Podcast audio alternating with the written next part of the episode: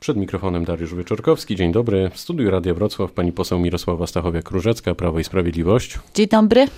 Ostatnie godziny kampanii, chciałem powiedzieć, że ostatnie dni, ale to już ostatnie godziny kampanii wyborczej. Coś panią zaskoczyło, zaintrygowało?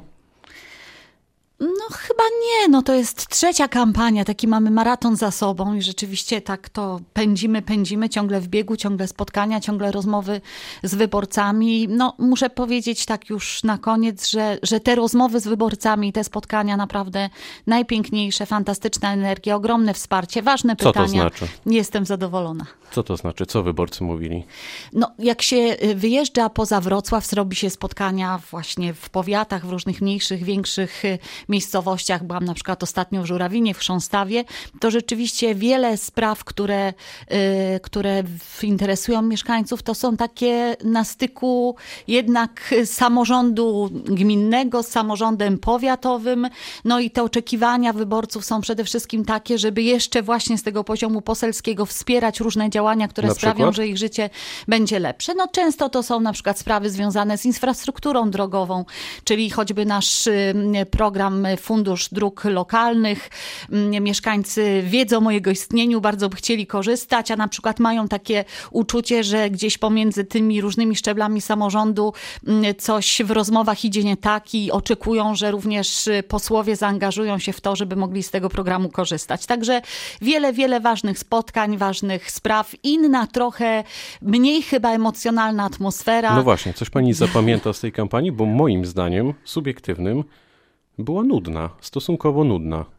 Panie redaktorze, jestem zaskoczona taką Bardzo opinią. proszę. To pan chyba też jest już w wirze takim kampanijnym i nudno to będzie może dopiero po wyborach, choć mam nadzieję, że nie, że będzie ciekawie i No będzie realizowany dobry program. Natomiast, y, natomiast no, ja bym powiedziała, że jest pewna różnica i to, to się rzucało w oczy, y, kiedy się kampanię robi, kiedy na przykład przyjeżdżam wieczorem do domu, włączam różne programy informacyjne, no i się przebija taki właśnie niestety emocjonalny przekaz. Natomiast gdy jedzie się na spotkania z mieszkańcami, to jednak one dotyczą bardzo konkretnych spraw i trosk. Dlatego I to wrócę jest do piękne pytania i pani dlatego, poseł. i dlatego coś pani bardzo za te spotkania Czy coś pani dziękuję. zapamięta z tej kampanii?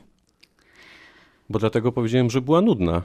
No nie, zapamiętam właśnie tą piękną atmosferę, tą taką chęć Czyli mieszkańców do rozmów. Tak, to jest dla mnie zresztą w każdej kampanii jest to ta część, która mi sprawia największą frajdę. Rozmowy z wyborcami, dyskusje, czasami nawet spory. Y, To jest dzięki takim spotkaniom oczywiście potem powstają dobre programy dla Polski. No to trzeba mieć tego świadomość, nie gdzieś w, gabin w gabinetach politycznych, tylko jednak wykuwają się na spotkaniach. No i te fantastyczne emocje, taka chęć wspierania, na przykład prośba, aby rozwiesić baner czy roznosić ulotki, naprawdę y, spotykała się z bardzo sympatycznym oddźwiękiem. Dziękujemy za to. Co dalej z panem prezesem Marianem Banasiem? Wróci z bezpłatnego urlopu? Sprawa musi być e, wyjaśniona dogłębnie. Ja zawsze w takich, e, niestety takich sprawach, bo takich też musieliśmy rozmawiać w kampanii, podkreślam różnicę standardów. No, gdy pojawia się mm, problem, doniesienie medialne państwa, prawda, dochodzenie państwa dziennikarzy, że, że jest jakiś kłopot, który niewątpliwie powinien być dogłębnie wyjaśniony, po naszej stronie reakcja albo dymisja, jak było w Ministerstwie Sprawiedliwości, przejście na urlop w przypadku pana Banasia, i, te, I ten czas, żeby absolutnie sprawę dogłębnie wyjaśnić. I nie wyobrażam sobie, mówię to od razu, żeby sprawa była jasna, że gdyby potwierdziły się doniesienia medialne, no one są różne, taki to jest dość szeroki obraz, mm, no to, to myślę, że nie ma takiej możliwości, żeby pan Banaś mógł pełnić funkcję y, szefa NIK-u. Natomiast chcę zauważyć w tym miejscu, że poprzednik pana Banasia, pan Krzysztof Kwiatkowski, raz, że miał konkretne już to, nie były doniesienia medialne, tylko zarzuty prokuratorskie i nikt od niego nie oczekiwał, ani on sam na taki pomysł nie wpadł, żeby, mm, żeby się podać do dymisji, przejść na urlop, czekać na wyjaśnienie sprawy. Niestety, a co więcej, no, wiemy wszyscy, że kandyduje w tych wyborach, nie chcę mu robić reklamy, ale kandyduje w tych y, wyborach do Senatu i konkurencji ze strony y, Koalicji Obywatelskiej ani środowisk lewicowych zdaje się nie ma. Dlaczego nie doszło do debaty liderów wszystkich obozów politycznych w tej kampanii? Ale pyta pan o taką ogólnopolską, Tak, bo nam się tak, tu prawie we Wrocławiu udało, zdaje Nam się, się prawie zabrał- udało i to w Radiu Wrocław. Zabrakło właśnie. No nie wiem, trudno mi powiedzieć. Zabrakło tego pani?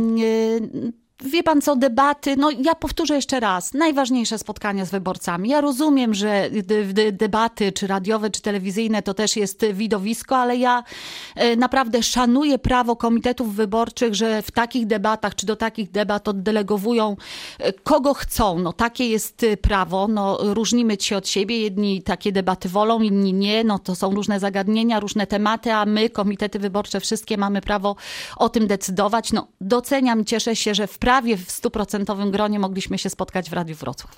Kto właściwie jest mózgiem Prawa i Sprawiedliwości? Bo ostatnio pan prezes Jarosław Kaczyński powiedział, że autorem waszego programu w dużym stopniu, jeśli nie w 80%, jest pan minister Piotr Gliński. To prawda, Piotr Gliński zajmował się, pan premier Piotr Gliński zajmował się sprawami programowymi y, już w poprzednich wyborach, które przyniosły przecież zwycięstwo w 2015 roku. Jego wkład w tę pracę nad programem jest ogromny. To on, to on zaprasza kolejnych, prawda, i wielu autorów do tego programu. Y, można powiedzieć, że tak zajmuje się pewną logistyką w tym zakresie i przy tym programie, z którym teraz idziemy do wyborów, również to zaangażowanie pana Piotra Glińskiego było ogromne. Ale nie chwali się tym. No, skromnym jest człowiekiem pan Piotr Gliński, więc, y, więc, ale to chyba nie o to też chodzi. Chwali się, nie chwali, czy najważniejszy jest Piotr Gliński. No, oczywiście, że, że gdzieś trzeba pamiętać o tym, że to Jarosław Kaczyński jest architektem zmian, że fantastycznie premier Beata Szydło w tej części naszych rządów, gdzie, gdzie głównym takim naszym zagadnieniem, misją była realizacja programów, jak my mówimy, progodnościowych, fantastycznie y, to realizowała. Potem premier Mateusz Morawiecki już z naciskiem na sprawy gospodarcze. Mam nadzieję, że będzie mógł tę misję kontynuować, więc to, co najważniejsze i chyba to pokazujemy, mam nadzieję, że to widać, to jednak praca drużynowa. Potrafimy dobrze dzielić zadania, potrafimy się nawzajem wspierać, to jest najważniejsze. Tak będziemy rządzić y, Polską, jeśli dacie nam Państwo szansę. Ile ten program będzie kosztować? No to jest różnie, bo y, oczywiście on jest bardzo odpowiedzialnie przygotowany. Gdy idzie o kwestię płacy minimalnej, to jakby to nie dotyka budżetu. Natomiast, y, natomiast no, czy dwa, y, tam są kwoty, tak jak na przykład dwa miliardy na y, y, szpitale powiatowe, czy na y, 100 obwodnic w miastach, to wszystko mało. jest Te dwa miliardy dobrze to mało.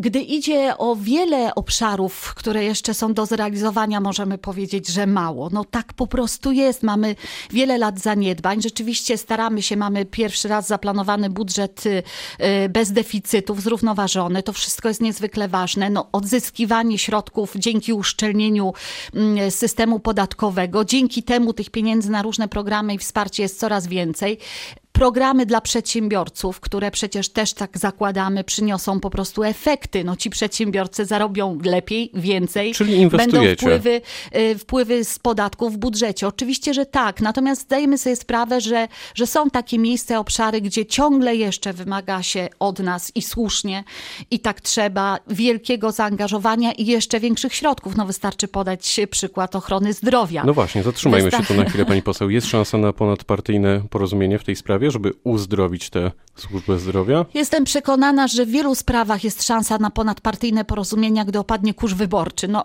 kampania, No, przez kampania lata się taka nie udało. jest. To prawda, ale myślę, że totalnej opozycji przez cztery lata jednak ciągle trudno było uwierzyć i pogodzić się z tym, że Prawo i Sprawiedliwość dostało mandat do rządzenia Polską. Ja mam nadzieję, ale podkreślam, wybory za chwilę. Jeszcze nie wygraliśmy, jeszcze namawiam do pójścia na wybory. Dziękuję, dobre sondaże, ale to przy urnach wyborczych zdecydujemy, także bardzo proszę, żeby Polacy nam zaufali. Gdyby tak było, że nam zaufają i będziemy mogli kontynuować program dla Polski, to jestem przekonana, i naprawdę głęboko wierzę w to, że u wielu, być może nie u wszystkich, nie będę tu wymieniać szyldów partyjnych, ale ja zawsze mówię, że w polityce są też po prostu zwyczajnie przyzwoici i zaangażowani ludzie po różnych stronach sceny politycznej i na tych właśnie liczę i mam nadzieję, że z takimi będziemy mogli rozmawiać po To wyborach. gdyby wam zabrakło kilku mandatów do samodzielnego rządzenia, to z kim by pani widziała szansę do Często współpracy? jestem o to pytana. Ciekawe dlaczego. Ostatniej prostej, kiedy zostało nam kilka godzin, kilkanaście do ciszy wyborczej, 15 prawie. chcę powiedzieć, że mm, absolutnie do końca, do tej północy będziemy robić wszystko, żebyśmy nie musieli w poniedziałek rozmawiać o koalicji z innymi partiami, bo szczerze mówiąc, gdy patrzymy na programy, szyldy partyjne liderów, którzy w tych wyborach biorą udział, to mam wrażenie, że rzeczywiście trudno byłoby rozmawiać, bo to, co łączy tych wszystkich liderów i te partie, to antypis niestety, a nie program dla Polski. Ale podkreślam, Wszędzie na tych listach są naprawdę fantastyczni, zaangażowani y, ludzie, politycy, doświadczeni samorządowcy i ufam, że gdy trzeba będzie, to znajdą się tacy, którzy po prostu powiedzą: Dobra, wznieśmy się ponad to, trzeba, y, trzeba reformować najważniejsze obszary dla Polaków. Panowie prezes Jarosław Kaczyński i premier Mateusz Morawiecki zaproponowali program na pierwsze 100 dni rządów. Ile to będzie kosztować? No, szanowni Państwo, powtarzam jeszcze raz, to nie są naprawdę wymyślone rzeczy. Wszystko, co my proponujemy, jest naprawdę przemyślane, przeliczone, odpowiedzialne. Budżet zrównoważony, który proponujemy e, e, na przyszły rok, e, naprawdę nie spadł z choinki. To jest odpowiedzialna praca, więc zapewniam, że możecie być Państwo spokojni, że my nie podejmujemy decyzji, które narażą Polaków na jakieś turbulencje. Nie po to przez cztery lata pracowaliśmy na ten zrównoważony budżet, żeby teraz po kampanii kampanii się wszystko wywróciło. Także spokojnie, proszę nam zaufać. Będziemy to robić w sposób odpowiedzialny i podkreślam, w przeciwieństwie do naszych przeciwników, my jesteśmy wiarygodni, realizujemy to, co obiecujemy. A czy Prawo i Sprawiedliwość planuje wprowadzić nowy podział administracyjny, a co za tym idzie rozpisać przedterminowe wybory? Bo z takimi pytaniami wystąpił do pana prezesa Kaczyńskiego pan marszałek Cezary Przybylski. E, szanowni Państwo, nie ma takich planów. Natomiast e, moim zdaniem rzeczywiście jesteśmy w takim miejscu, gdy idzie o rozmowę o samorządzie, że warto, żeby te rozmowy rzeczywiście odbyły się i były takie po prostu poważne. Ponad podziałami, bez emocji. Trzeba się zastanowić, czy pewne funkcje, podział kompetencji przez te wszystkie lata, od kiedy e, samorząd funkcjonuje, się sprawdziły, czy nie warto porozmawiać, żeby były czytelniejsze i żeby ten podział ról i kompetencji był jaśniejszy. Także Chcecie wzmocnić województwo wojewodów na przykład?